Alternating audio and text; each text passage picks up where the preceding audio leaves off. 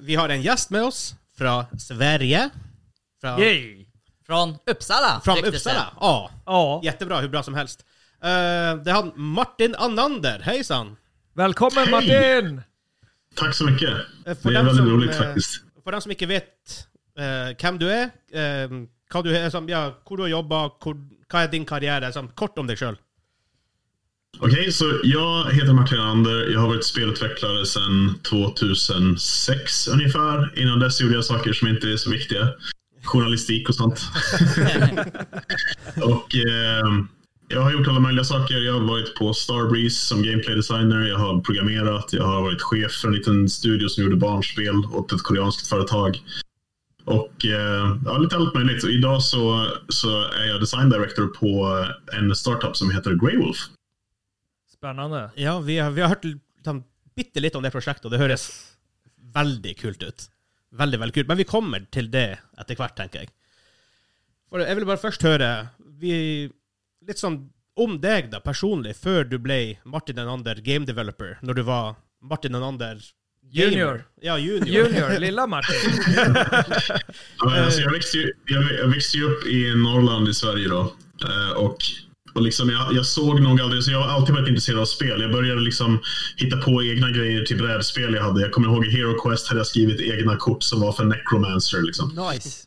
Cool. Eh, och tyvärr finns de inte kvar längre. Det hade varit kul att ha kvar. Men, eh, men jag var väldigt intresserad av det från början, men jag såg det aldrig riktigt som ett jobb som gick att ha. Så att jag, jag satsade på att bli journalist och pluggade och höll på. Eh, och tänkte att äh, men det där med att göra spel, det är alldeles för svårt. Det går inte att komma in på. Det är, det det är bara få som får göra. Liksom. Ja. Men, men sen så, så funkade det inte så bra med journalistiken. eh, för att det dök inte upp något jobb precis när jag var klar, så jag hamnade på industrigolv istället. Och så var det en sommar så jag stod där på industrigolv i en kabelfabrik i, utanför Falun och så tänkte jag fasen alltså, jag ska inte dö här. Det er god motivasjon. Eh, det var liksom, jag bara shit, vad vill jag göra för någonting egentligen? Så lovade jag mig själv att nej, men jag ska satsa på det jag verkligen vill göra och det är spelutveckling. Ja, Eh, jag, jag kom in på Playground Squad första året som det var yrkeshögskola. just det. Eh, Er Ursäkta? Er det ikke vanskelig? Er ikke det rak rakettforskning å bli en designer? Game designer? Alltså, du blir ju inte designer kanske inte det första du blir. Eh, utan, utan jag hamnade först, efter skolan hamnade jag på Simbin som scripter och lite QA-testare. Och, och fick sitta och köra racing-simulatorer. Det kände jag också att det inte alls var min grej, så det var lite flashback från, från industrigolvet. Ehm, och sen sökte jag till Starbreeze och så hamnade jag där. Jag var på Starbreeze nästan sex år. eh, ja. Och gjorde Syndicate och Riddick, Assault on Dark Athena. Det er kult. Ehm, Det är tunga det spel. var- Det är tunga spel. Ja, det, är, alltså det, det var jäkligt roligt måste jag säga. Men Det Martin, var, ja, nu hoppar du väldigt fort fram här, för jag minns att du berättade till mig, eh, och det har jag också upplevt i Sverige, när vi fick de här jobbdatorerna hem till våra hushåll från, via föräldrarna liksom. Och, och då berättade du till mig att du började knacka lite på en sån PC eller en sån datamaskin. Ja. Du började få intresse därifrån också vet jag. Att jag, du, jag, tror, jag tror att det var många, många svenska ungdomar där kanske som växte upp på 90-talet som, som fick hem, jag kommer inte ihåg vad de kallade det för, men du kunde leasa datorer via kommunjobb av olika slag. var det inte typ jobbdator eller något sånt där? Eller Ja, men något, något sånt hette det Jag minns säkert. inte begreppet. Ja. Men det var många som utnyttjade det där. Jag, jag, jag kan föreställa mig, utan att ha någon data på det såklart, att, att det var ganska många spelutvecklare idag som, som började sin bana med en sån dator. Liksom att tillgången till dator är en stark förutsättning givetvis. Ja. Ja. Min, min interesse starta der. Mm. Vi fikk masse datamaskiner fra, fra den videregående skolen her. Da var det jo Windows 3.1 på den. De, altså, den funka jo ikke til noe. Nei. Men vi hadde noe å eksperimentere med, bygge Yes. og teste. ikke sant? Og da ble det interesse ut av Jeg det. husker også for min del så var det også gaming. Det, det ble introdusert eh, Nå spilte brettspill som enda mindre, da, men, men eh, teknologisk gaming, da kan du si, det kom når faderen fikk seg jobb-PC Ja. hjemme. Eh, og, og den var jo egentlig ikke egna for spill i det hele tatt. Nei. Eh, bittersmå harddisker, grafikkort fantes ikke. Men du begynte å trykke. Ja. Og, og bittersmå ting, bare sånn helt trivielle ting som Minesweeper og de her flipperspillene. Mhm. eh, det magiske jordbæret. Og eh, Floppy disk, Ja. är det det heter? Ja. Ja. Floppy disk ja. Ja, ja, ja. Spelar många floppy disk-spel Ja, ja. ja, ja. Delta Force. Delta Force, det var på CD da. Da var CD kommet en steak i. Delta, For Delta Force 1. Har du spilt det, Martin? Delta Force. Delta Force. Jo, alltså, jag tror att ett av mina starkaste gamingminnen från, från hela liksom starten, det är nog Oj. Doom faktiskt. För Yes! Doom, nice! det var, Doom det var det första spel jag spelade med ljudkort. Det var ju. Det høres ut som det er 200 år ja, ikke, er ikke det her det spillet som starter med Edvard Grieg morgenstemning, og så er det noen kaniner som blir sprengt vekk, og så er det det Doom? Jeg tror det. Er det det? Eh, Kanskje jeg husker feil. Day of the Tentacle, kanskje? Ja. Det Samme det. ikke. möjligt. Men eh, var Doom ditt eh, hva, hva som var ditt første spill? Ditt aller første spill du spilte? Nej, alltså jag kommer ihåg, jag hade ju, eh, alltså jag spelade ju det här, Ho- The Hobbit hette det, som var på sån här stor 525 floppy disk. Eh, Jag kommer inte ihåg någonting av det, men det är typ som ett textäventyr. Det är ju s- Ja. uråldrigt. Det är från tidigt 80-tal det spelet. Å ja, Ja. Ja, der du må faktisk skrive ned en kommando. Ja, jag, jag tror att det funkar på det sättet, att det är textäventyr. Liksom. Ja. Men det var, det var en feature där som var ganska unik, som jag har förstått i efterhand, som jag nog inte förstod då. Det, det är liksom att, att det är dynamiskt, så att det, världen rör sig även om du inte gör saker. Så du kunde Oj. komma till gläntan där du skulle träffa Gandalf, och så har Gandalf blivit ihjälslagen av en ors. Liksom. Same. Really? På 80-tallet? ja, det var ikke Det er heftig, så, för, för tydligen så är det så, varje gång du gör någonting så tickar liksom klockan i bakgrunden på något vis. Ja. Det er en kul feature på Det 80-tallet. høres jo Ja, det er helt moderne ut, liksom. Det, Ja, ja, men du ser det jo ikke i spill i dag, nesten. Nei, nei. For de venter jo bare til Ja. du skal komme. ja. Men apropå Doom, bara tillbaka till det. Jag fick ett tips igår av eh, våran vän Salkin om Graven. Har ni hört talas om det? Nei. Ja. Nej. Det är typ som Doom. Yes. Du har hört talas om det. Det är ju typ som Doom. Alltså det, det känns som man är tillbaka i, utvecklingstiden. nytt spill? Ett nytt spel, Ja, ja. Mm. Eh, Det, det jag ett tycker om med. Graven det jag tycker om med Graven är att de tar ju inspiration från lite den här im- sim-genren, alltså immersive sim-genren. Eh, Som är liksom Fifa, Deus Ex och sådana här spel. Just att det är ett väldigt systemiskt spel. Du kan lära dig hur features hänger ihop och experimentera med magi och sådana saker. Det, det är ett av de spel jag håller utkik på, måste jag säga. Ja. Nej, jag fick det tipset. Så alla lyssnare, testa, testa. Det är fantasymiljö också, så det är riktigt som er coolt. developer? Ja, bra fråga. Google it. Google it. Det ut som indie-spill. Det är ett indiespel. Ja, ja, da er det Men det såg coolt ut, så Google it. mm. Men du, eh, du nevnte at du sto på, på jobb og bare tenkte 'jeg skal ikke dø her', jeg vil, jeg vil jobbe med noe jeg faktisk vil gjøre, noe du bryr deg Brinner om. för. Ja. Eh, husker du liksom Når i livet begynte du å tenke at det er sp- spill du vil jobbe med? Altså, var det en trigger som skjedde, bare at du ville jobbe med spill? Jag, tror, jag tror att jag hade velat göra det ända sedan jag skrev mina Necromancer-kort till Hero Quest som, som, som snorunge. Liksom. Mm. Og det begynte der. Eh, Men, men jag såg det aldrig som något som gick att göra. Man behövde vara supersmart och programmera och göra avancerade saker som jag aldrig hade kommit i kontakt med. Liksom. Ja. Så, så, så jag tror, jag, jag har nog alltid velat göra det, men jag, jag såg det inte riktigt som en möjlighet. Och så tänkte jag, äh, det är klart det måste vara en möjlighet. Det är ju människor liksom. Ja. Og du er jo også et menneske, så dermed Ja, jo men exakt. tror jag åtminstone. Nei, fordi det er jo, det, Jeg tror det er mange som sitter i dag og tenker at de vil jobbe med spill. Ja. Men det er veldig få, tror jeg, som gjør det. I Norge, i hvert fall. ja, men jag tror många kan hänga upp sig lite på att- precis Mm. det du hängde upp det på, att man måste vara superduktig på programmering och så, men det är så mycket mer. Mm.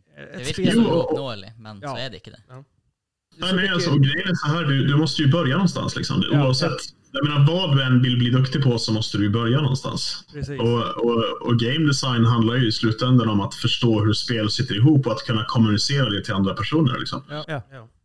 Jag brukar säga det, sitter det estetiska gamers så förstår de ju dels marknaden, men så har de också lättare att kunna bli en spelutvecklare. För de har ju det estetiska i sig då. Vi pratade lite om det, att det är lättare att lära någon som har de estetiska verktygen än tvärtom då. De som kan verktygen än att bli...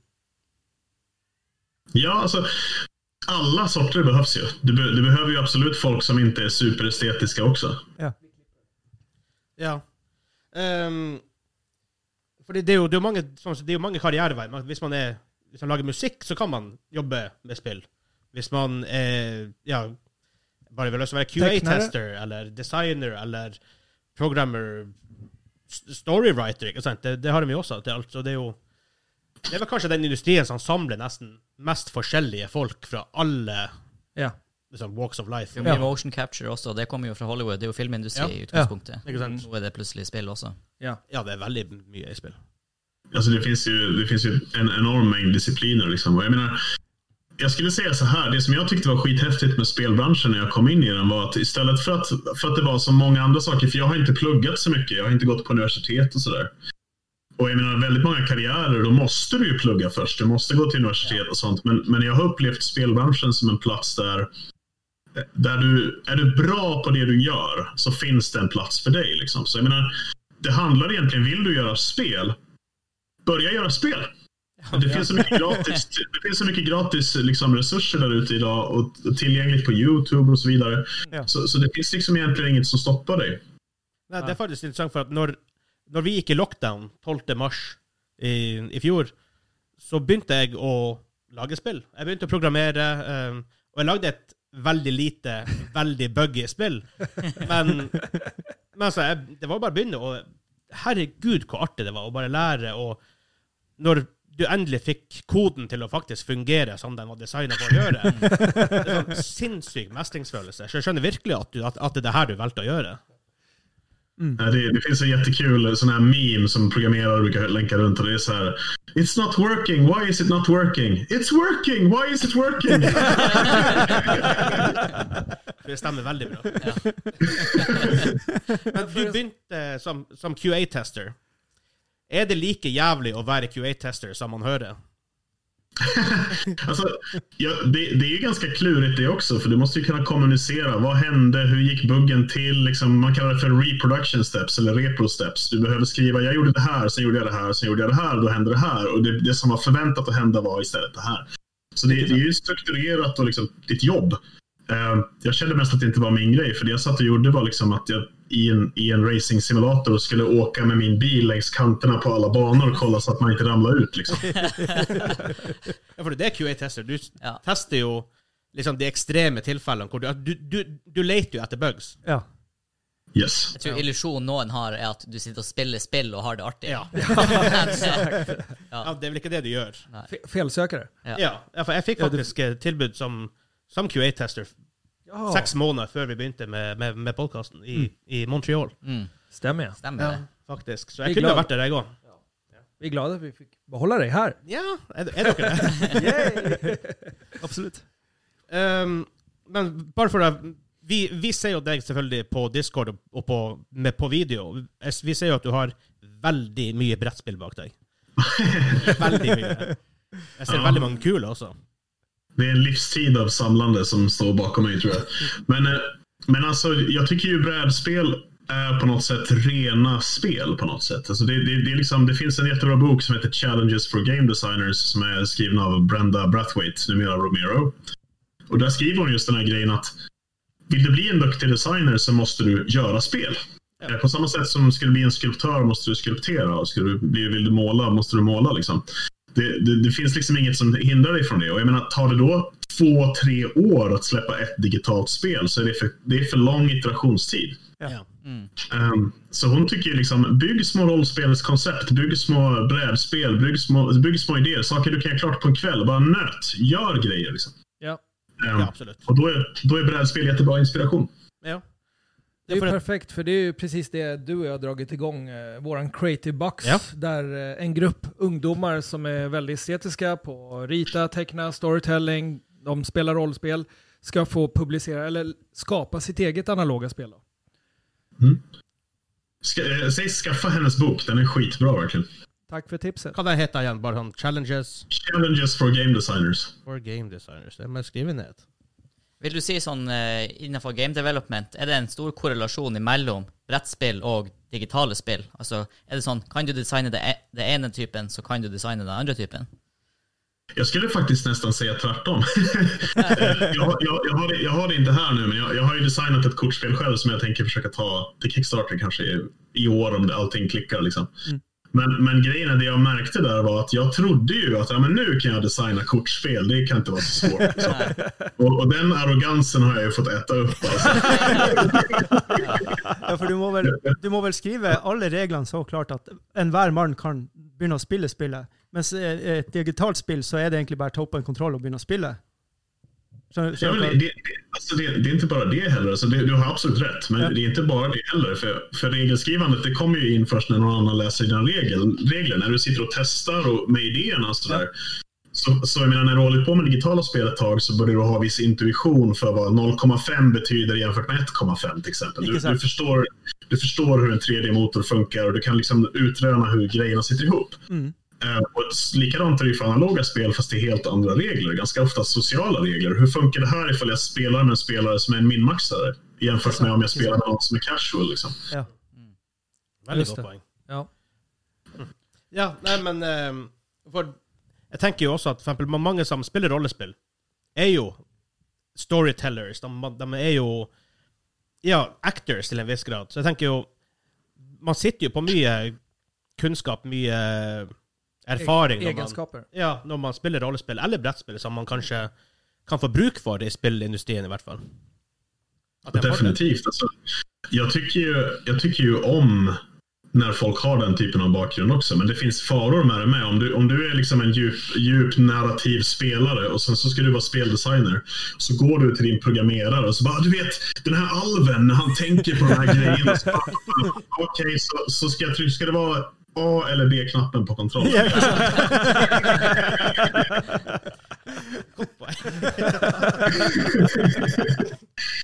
Mm, Interessant. Ja, nei, men eh, Limitations man ikke tenker over i det daglige når man faktisk Ja. sitter og spiller spill. Altså, Ja. Å få en, en sånn artsy idé over til et digitalt konsept, det er ikke bare direkte overføring. Nei. Nei. aldeles ikke. Men vad är den största utmaningen som spelutvecklare tycker du, alltså när du är in work, alltså när du sitter där och håller på?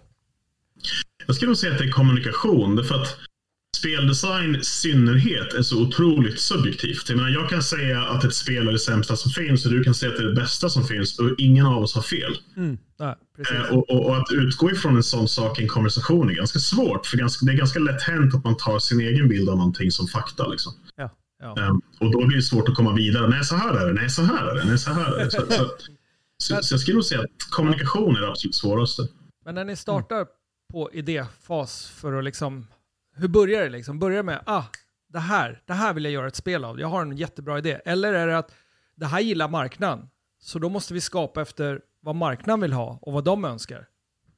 Jag skulle säga att det börjar med var får du pengarna ifrån? Cash is kingen! Jo, men för att du måste kunna betala dina löner och sådär. Men, men jag menar, beroende på var pengarna ifrån kommer du få olika krav. Det finns, det finns någonting som kallas för en RFP, eller en Request for Proposal. Ja, Och en sån kan till exempel, ett filmbolag kan skicka en RFP. Och det kan vara, hej vi vill ha en, en, ett spel som är en tie-in till den här filmen. Vad, vad, hur skulle ert sånt se ut? Pitcha det till oss. Liksom. Och så skickar de det till ett antal olika. Och då, och då kommer du ha deras ramifications att jobba med. Liksom. ja. Det kan också vara att du hittar en investerare som tror på en idé du har. Det, kan vara, alltså det, kan vara, det finns så många olika permutationer av hur du börjar. Liksom. ja. Ja, den ene, den ene trenger vel ikke være bedre enn den andre. Det er utgangspunktet. Mange, mange, jeg tror mange gamere sitter på en sånn romantisk idé om, om spillindustrien. At alt er bare kreativt, og man lager bare ting som er kult. Men det finnes jo et marked, og du, som du sier, penger som også må, Ja. må være på plass. Definitivt. Alltså, du måste först kunna betala lön, liksom, annars blir det svårt att göra spel. Men, men sen så är det liksom, det kreativa finns ju i alla steg. Ja. Men däremot kan du jag menar, jobbar du med ett stort varumärke, låt säga att du jobbar med Star Wars, då kommer ju de ha vissa krav också. Och, och de kommer säkert ha flera olika typer av krav. Nej, men ljudet måste låta så här och karaktären måste se ut så här och liksom sådär. Och jag, jag menar, har du dessutom en tight deadline, nej men om två år då ska ni släppa det här spelet. Då, då sätts sätter det ytterligare krav. Så jag menar, det kreativa finns alltid där, men det kreativa sker alltid under krav. Liksom. Precis, så då kommer det inte från hjärtat riktigt då. Som eh, jag som är författare, jag har ju mina stories som jag kör på. Eh, det blir inte så mycket stora ändringar på det om förlaget eh, nappar på dem då, då. Medan ni har ju krav, det här och det här och det här måste ingå. Alltså, det beror ju jättemycket på det också. Kraven kan ju vara interna lika gärna. Det kan ju vara till exempel att att en person, alltså att lead designern tycker att ah, den här grejen är skitviktig. Eller att, eller att, att liksom en lead artist tycker att vi måste ha med det här systemet för grafiken eller vad som helst. Mm. Så, så det måste ju inte bara vara externa krav. Men, men absolut, alltså det, det, det är ofta ganska mycket externa krav. Återigen beroende på vart pengarna kommer ifrån. Finansierar ni själva då kan ni göra vad fasen ni vill. Liksom. Ja, for jeg føler at mange ganger og, kan, og mange ganger er det jo fair eh, kritikk fra gamers at de investorene de med penger pusher på du må gi ut spillet, det er ikke ferdig, men gi, ut, gi, gi det ut for det. Eller at det er features i spillet. Microtransactions er jo en god eh, et godt eksempel der. at Som splitter community. Ja. Um, for det er sånn, jeg, jeg føler at det er ikke bestandig bare dem med pengene som sitter på skylda hvis det er et dårlig spill. Det er jo av og til bare dårlige design decisions, kanskje. Eller, eller att man hade förbaskat bråttom. Liksom. Eh, Att, Ja. Ja. att, eh, jag menar, ti- tid är ju liksom, kommunikation kanske är det största liksom, dagliga issuen, men tid är den andra. Liksom. Det- Den är nästan en större issue ofta också. Därför att, ja, nej, men ni måste vara färdiga till det här datumet. Då, då har man inga val. Och jag menar, spel skjuts ju fram hela tiden därför att det är svårt att beräkna hur lång tid det tar. Det är liksom, jaha, men det här kommer att ta två år. Liksom. Ja, men baserat på vad? Eh, Filmindustrien er vel litt lettere der. For at du vet sånn cirka det tar tre måneder å filme, tre måneder post-production, så du Ja. er ferdig. Det er s- klarere ramme for en Ja. film, da. Men det er spill Og det er jo et poeng der også med, med ikke sant, de- buggene. Du vet aldri hvor mange bug det er i et spill. Ikke sant? Så selv om du har det ferdig, så kan det være mye du må renske opp i. Ikke sant? Mm. Og det tar jo tid. Ja. Ja, absolut. Och sen så finns det ju liksom feature creep. Jämför med film till exempel. Att, att ja, nej, men vi spelar in liksom den här filmen nu då. Ja, men vänta, det här slutet är inte jättebra. Ska vi kunna spela in ett nytt slut? Vi ska- skaffar en ny location. Vi åker, vi åker till, till Brasilien och spelar in en ny scen. Liksom. Det, det är spelutveckling. Men oavsett i IT-projekt överlag är ju precis detsamma som eh, ni upplever det här med tid. Att eh, man har ett datum som man hoppas på och så brukar det som oftast alltid bli längre än det datumet som är satt. Ja, Så alltså, det verkar nu- vara något gemensamt inom den här digitala världen när man utvecklar någonting digitalt. Det var en bekant som beskrev det där på ett så himla bra sätt. Jag kommer inte ihåg det ordagrant, men han jämförde mellan mjukvaruutveckling och hur man bygger en ubåt till exempel, alltså en militär ubåt. För att när du bygger en militär ubåt, då gör du liksom, du måste göra vissa, vissa saker i vissa steg. Du måste ske det stenhårda deadlines, för det finns inte liksom rodret byggt när du ska sätta axeln på plats, liksom, eller vad det nu kan vara. Så, Ja. så, så, så blir det skitsvårt att bygga den. Liksom. Ja, Och därför blir det så himla viktigt med accountability. Vems fel är det när något går fel? Medan i mjukvaruutveckling, modern mjukvaruutveckling är ofta agile. Du, du, sätter upp, du sätter upp ganska tydliga mål, men du gör det i korta instanser. Liksom. Och sen så vet du inte exakt vad produkten blir, för du kan misslyckas längs vägen. ja. Eh, Och, och spelutveckling försöker på något bakvänt sätt kombinera de här två. Ja, for det, jeg, jeg så en dokumentar om The Last of Us fra, fra Naughty Dog. Og de begynte jo å designe spillet, men de visste ikke om spillet faktisk fungerte som et spill bare noen, altså, for bare noen måneder før spillet skulle komme ut og være ferdig. Ja. Da begynte de å se at OK, kanskje det funker.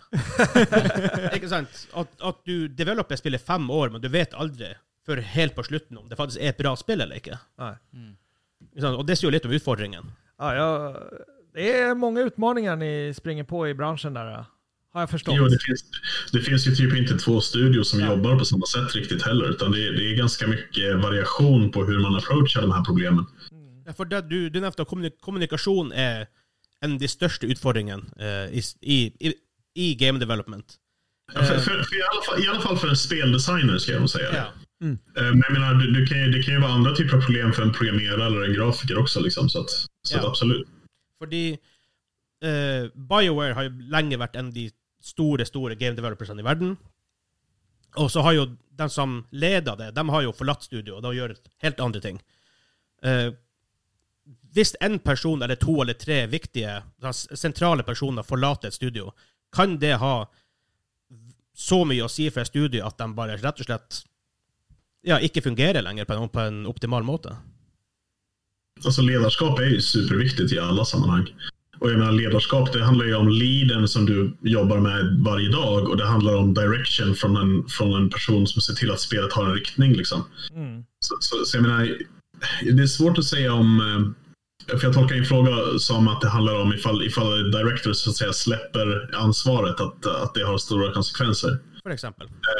Och det, det kan det absolut ha, men samtidigt handlar det ganska mycket om företagskultur. För det är inte alla studios där, där directors har den dagliga rollen riktigt. Ja. Medan det finns ytterligare studios där de går omkring varje dag och, och säger åt nästan varenda person vad de ska göra. Så det, är så, det är så himla olika hur, hur den här ledarskapsstrukturen ser ut. Ja. Ja. Ja, så det vi egentligen kan bara ta utifrån den här diskussionen, är att spels och spelsällskap är icke bara ett spelsällskap. Det är Det är mycket mer. Nei, og Ja. selv store spillselskap er ikke likt et annet stort spillselskap. Nei. Det er ikke Nei. bare forskjell på store og små selskap, Nei, men i de små og innad i de store så er det enorme forskjeller, da. Det Jeg er får, litt artig å høre. Det er jeg får, får jo inntrykk av at det er veldig personavhengig. Ikke sant? At alle folkene som er med på gulvet liksom, og lager et spill, har en veldig viktig rolle i, i, den, i det samfunnet. Nesten som et maursamfunn. Ja. Altså, du har en dronning, men liksom, alle andre må vite hva de styrer med for å lage ferdig et produkt. Alltså det skalar ju väldigt olika också. Om, om du jobbar på ett jättestort företag där ni är 1500 personer som ska leverera någonting, då kanske det är många av dem som bara gör väldigt, väldigt specifika saker och inte har så mycket ansvar egentligen. Så du, du kanske sitter och, och, och remodellerar buskar liksom. Ehm, Det begrenser hva du kan gjøre galt. Med, medan om ni är fem, sex personer så kommer ju alla ha, sitta på flera stolar samtidigt. Så, så det, Ja. det är så väldigt olika verkligen. Det, är- det är en sån himla företagskultursfaktor. Ja. Nei, men eh, hvis vi går litt lenger fram i tida, der hvor du er nå For vi har snakka veldig mye om, om ja, andre ting nå. Ja. Eh, for du er Grey Wolf nå. Kan du bare litt, fortelle litt hva Grey Wolf er for noe? Alltså jag, jag, jag kan inte gå in jättemycket på någonting än. Men det du kan Alt er hemmelig. Vill jag bara förvarna, men, men eh, vi är en liten startup som, eh, som väl har funnits, funnits ett par år tror jag totalt. Jag började i november förra året för att liksom vara med och designa upp spelet från start. Och eh, vi, eh, vi jobbar på och letar, letar möjligheter. Eh, vi jobbar med eh, vad jag kort brukar beskriva som en demon powered FPS. Eh, och jag ser för väldigt mycket fram emot att prata mer om det, men det kan jag inte göra. Nej, men all, alla som sitter och lyssnar, jag kan ju bara hinta er om, gå in på deras hemsida, eller hemsida, greywool.com, så ser ni grymma illustrationer. det skrives E G-R-A-E-W-O-L-V. Precis. Yes. Mm. Ni som följer oss på Discord, vi kan skriva det i allt möjligt prat. Ja, Instagram og Facebook. Vi legger, Ja. vi legger alt det her ut på våre sosiale medier. Ja, det är skitcoola concept art faktiskt. Vi pratade lite om de, de, eh, de bilderna eller illustrationerna. Att, eh, jag fick ju känslan av eh, The Division eh, med, eh, vad heter det där spelet nu igen? Ha, ha, ha. Ja, Jag glömde bort. Det var Division och ett annat spel nu här. Kom igen, Doom! Vi pratade ju om Doom, herregud. Sorry alla lyssnare, jag är lite sliten idag, men så är det. Eh, och du sa? Ett annat det spel som är- jag gillade, som jag också gillar. Det finns, det finns många spel jag gillar. Jag vill, jag vill inte riktigt gå in mer på det. Det är en Demon Powered FPS. Det som er vanskelig Du har jo sikkert veldig lyst til å bare snakke om spillet, men du kan jo ikke. Men Ja, för- jo, men alltså, det, är, det är bättre för oss att, att göra liksom en, en, en planerad marketing och, Ja. göra, och göra alla sådana här konversationer del av det i framtiden. Liksom. Så det, Men en ting Det- det er sikkert, vi kan ha deg som gjest igjen når dere Ja. kan snakke Når dere kan Når du har annonsert spillet sånn 100 gärna. och vi vill gärna testspela det också. Det hoppas jag. Men eh, vad har ni för eh, liksom deadline? Vad har ni satt för datum? När önskar ni att det ska ut på marknaden? Vi har en deadline. Okej. får, får du säga när? Nej. Ni hör ju att vi måste få tillbaka Martin ja, till, till podcasten lite längre fram, för det här är så spännande. Du kan sikkert ikke svare på det her heller, men er det multiplayer eller singleplayer? Ja, Ja. Du kan spille spillet. Så, det, så det er et spill? ja, det är ett Ja. spel. Det är mycket riktigt. Yes. Du hör hur de Breaking fiskar. news. Breaking news! Read all about it! Ja, men jag, jag är som sagt var gammal journalist, så det här med intervjutekniker biter inte på mig. Men norrmän är duktiga på att fiska. Vi er nordnorsk. Vi. Nesten på fisking. Det är bara att dorga. Ja. ja, men vi ser fram emot det. Det gör vi verkligen. Men, Absolut. eh, Det gör jag med. Berätta lite mer om vem är ni i teamet och så. Det kan du ju säga. Ja, alltså det, är, det är en blandning av folk. Alltså jag, vill, jag vill inte gå in jättemycket på någonting egentligen, men det, det jag kan väl säga är att för min del har det varit lite vad ska man säga? Det, det, är målet med hela min spelkarriär på något sätt är uppnått. Där, därför att jag får vara med i en startup, jag får vara med och bygga upp någonting från grunden. Jag får jobba på ett sätt som jag vill göra, som är väldigt hands-on. Ja. Uh, och jag tycker det är precis så kul som helst. Det är verkligen... Det, det känns som att jag har hittat hem. Liksom. Uh, och jag, jag, har jobbat med spel i 14 år ungefär. Så det, det, är liksom... Det var den resan som krävdes på något vis. Så det, det är superkul verkligen. Härligt. Godt å høre. Ja. Og jeg, nå har jo jeg aldri jobba med å lage spill, åpenbart, da, men jeg har et, så- et sånn inntrykk av, som gamer, at når du spiller et spill fra et studio der alle de ansatte bare genuint trives, brenner for prosjektet, ønsker å gjøre det, det er da du får kruttgode spill, da. Og det er derfor man ser eksempler på bittersmå indieselskap. Hades, for eksempel, som jeg spiller veldig mye nå om dagen. Et relativt lite studio. Nå har jo de gjort ganske mange indiespill som er Ja, gode, da. ja. Men altså, du, du føler bare at hele teamet, alt ifra designers til writers til eh, programmerere, bare elsker det de gjør, og da blir spillet bra. Hades är ett så bra exempel också, för de som studio har ju som regel att de inte gör någon övertid, utan de jobbar åtta timmar om dagen. Och sen så kontrasterar du det mot, mot, mot Naughty Dog och, och Last of Us Part 2. Liksom. CD Projekt. CD Red. Projekt, Oh, Ja, CD Projekt Red. Crunch är ju jättevanligt. Eller obetald övertid som jag brukar säga på svenska, för att det är vad det är. Ja. Det, det, det. Men det är väl mer vanligt kanske i USA än i Europa? Ja, alltså det har varit... Alltså, alltså, min inblick är ju ganska begränsad. Jag har varit på de företag jag har varit. Resten är rykten och hörsägen, så jag kan bara utgå från det jag har varit. Liksom. Och där jag har varit har det varit ganska vanligt med crunch, men det, det har ju någonstans... Det, det, det som är lite, lite, lite farligt och vanskligt med det är att det är oftast självvalt. Mm, När jag ja, började jobba på Starbreeze så var jag där jämt, därför att andra var där jämt. Liksom. ja. Och, och det var egentligen aldrig någon som sa åt mig nu ska du banne mig jobba, jobba hårdare. Liksom. Ut- utan, det var på något sätt bara del av kulturen. Liksom. Eh, Men det är skadligt. Jag menar, du, du tappar, jag tappade vänner, jag slutade träna. Det var en massa grejer som, som liksom föll, föll bort ur mitt liv. Men jag hade ju roligt, så att jag uppskattade ju det jag gjorde. Men det var ändå liksom... Medan idag så känner jag att det inte är på det sättet riktigt. Det finns mer medvetenhet kring det. Folk bryr sig mer om sina privatliv. Och, och hela den här grejen med work-life balance ja. är viktigare. Och jag, jag tror delvis det beror på att de som började med spelbranschen, de har blivit vuxna, de har barn och de är äldre. Och det är liksom, man har en annan inställning till det helt enkelt. Det er jo paradoks, men man vet jo ofte ikke sitt eget beste når man er i en ny situasjon. Sant. Og det er jo overførbart til restaurantbransjen er jo kjent for det her, ikke sant? Ja, altså ja. kokker som brenner seg ut for de jobber hver kveld i Ja. to år, og så innser de at det her går Nei. ikke an. Så er det også det med, jeg vet i, det her er i hvert fall veldig vanlig i noen plasser, i noen studio, hvor de, de ansetter 200 stykk for ett prosjekt, og når prosjektet er ferdig, så har de, så har de ikke jobb lenger. Og da vil du kanskje gjøre den beste jobben du kan, der og da, for å få en ny jobb etterpå. Sant? Så, så det, där, det där var ju, bottnar i en väldigt vanlig businessmodell som användes mycket förut och det används fortfarande men det, det är inte riktigt lika vanligt längre och det kallas för advance on royalties. Och det betyder att ni får en, ett försko, en förskottsbetalning från en förläggare. Eh, oftast är ni en tredjepartsutvecklare så ni, har ingen, ni ägs inte av någon förläggare direkt. Ni får den här förskottsbetalningen, sen ska den betalas tillbaka med hjälp av royalties innan ni får royalty.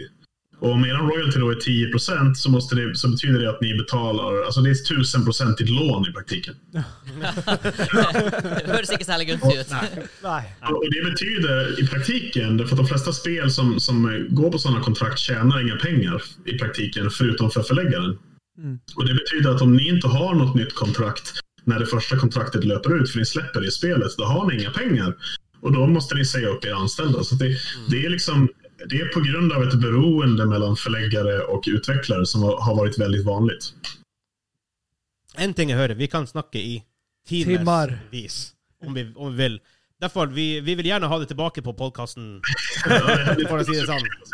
Jag, jag älskar att prata spelutveckling. Så. Ja, jeg tror vi har veldig mye forskjellige ting å snakke om. Ja, Some point. Men absolutt. eh, också för de som, eh, du är ju med på vår Discord-kanal, Gamingklubben. Om det är några Yes. som är nyfikna på hur man blir spelutvecklare och så, är du öppen att ta emot frågor och så? Ja, från de ja, som är med ställ, i... ställ Ja. frågor, pinga mig. Sen så kanske det dröjer innan jag svarar, men jag kommer Ja. att svara. Ja. Vi har en eh, kanal, hashtag spillutvikling heter den vel på Game Development. Game Development heter den på discorden vår. Ja. Så eh, der kan jo eventuelle spørsmål lettes. Ja. Ja. Og Martin er veldig aktiv i rollespillchat. Yes. Yes. Så hvis dere, hvis dere liker rollespill, så er Martin der også. Det er bare, Ja. å, det er bare å snakke. Ja. Absolut. Ja. ja, for du er jo game developer. Du har jo helt annet perspektiv på spill enn det vi har. Hvordan, eh, hvordan type spill foretrekker du hvis du skal sjøl spille og game? Jag spelar, jag spelar lite av varje. Jag brukar, jag brukar försöka hänga med eh, allmänt och hålla mig ajour och testa nya spel. Och liksom, jag tycker Game Pass är helt awesome Ja. på grund av det. Liksom. Ja. Att Man får möjlighet att testa ganska mycket. Just nu spelar jag Cyberpunk, jag spelar Hades faktiskt också. Och jag spelar lite, lite annat också. Så det är så här, sen, så, sen så kan jag ganska ofta gå tillbaka till gamla spel. Det kanske är en feature jag kommer på. Men vänta, var inte det där kul? Och sen så dammar jag av någon gammal låda och testar för research-syfte. Liksom. Så, så jag, jag spelar kanske ett spel som, som andra inte bryr sig så mycket om därför att jag inte ser de specifika saker de gör. Liksom. Ja. Du är lite on the job selv när du gamer. Jo, men det, det är liksom, för mig så är spel och spelutveckling en passion. Så att det, är liksom, det, är, det är typ det enda jag tänker på. Jag, jag, jag känner igen det som författare när jag sitter och läser böcker och så. Även om jag ska slappna av och läsa en bok bara för underhållningen så blir det ändå att eh, ja, författaren kommer fram och börjar analysera lite texterna. Mm, den där tekniken gillade jag och så där får jag lite inspiration eller ja, eller något annat kanske. sånn, sånn, ser, sånn er det i alle bransjer, uansett hvilken passion du har. Jeg vet han Espen, som er vår sånn eh, editor, han, Ja. når han ser film, så ser han mer enn bare historien, kan Ja. du si. For han, han ser det Det sinnet. samme gjør jeg, jeg med musikk. Ikke sant? Jeg sitter og analyserer musikken Ja, ja, ja. konstant. Og jeg, eh, jeg er på og en kokk som er på restaurant, spiser og koser seg, men tenker hm, hvordan lager denne her sausen? Ja. Jeg, hvis jeg er på et hotell, så Ja. legger jeg merke til møblene. Å ja, OK, er det lokalsnekra, liksom, eller er det Ikea? Det er uansett hva du gjør. Ja. Så hvis du har en passion, så, Ja. vil, så vil du være litt on the job, da. Men det er jo ikke noe Nei, negativt. nei, nei. Nei, det er ikke noe Du negativt med slapper fortsatt av, men Ja. du har bare en sånn dypere tilnærming til det. Ja. Som faktisk på mange måter kan være interessant, fordi at du Du, du forstår valgene de har gjort i spillet. Ikke sant? Ja. Jo, men det, det, jag, jag, tycker det, jag tycker om att studera varför de har löst vissa saker, hur de har löst det och sådär. Och sen så liksom Får jag välja så spelar jag en cool immersive sim liksom som Dishonored eller Deus Ex eller sånt här. För jag tycker, om, jag tycker om den typen av spel väldigt mycket. Åh, det gör jag också. Mm, Deathloop. Det- du, er, er du hyped for, for Deathloop? Jag har, jag har faktiskt dålig koll på det, men jag är väldigt förtjust i Arcane-spel. Jag kommer ju Ja. att spela det liksom. Så är det. For det er Arcane. Jeg gleder meg veldig til det. Arcane er et kjempekult studio. Ja, Prey, Prey tyckte jag var helt sjukt bra faktiskt. Freya. Ja, veldig bra.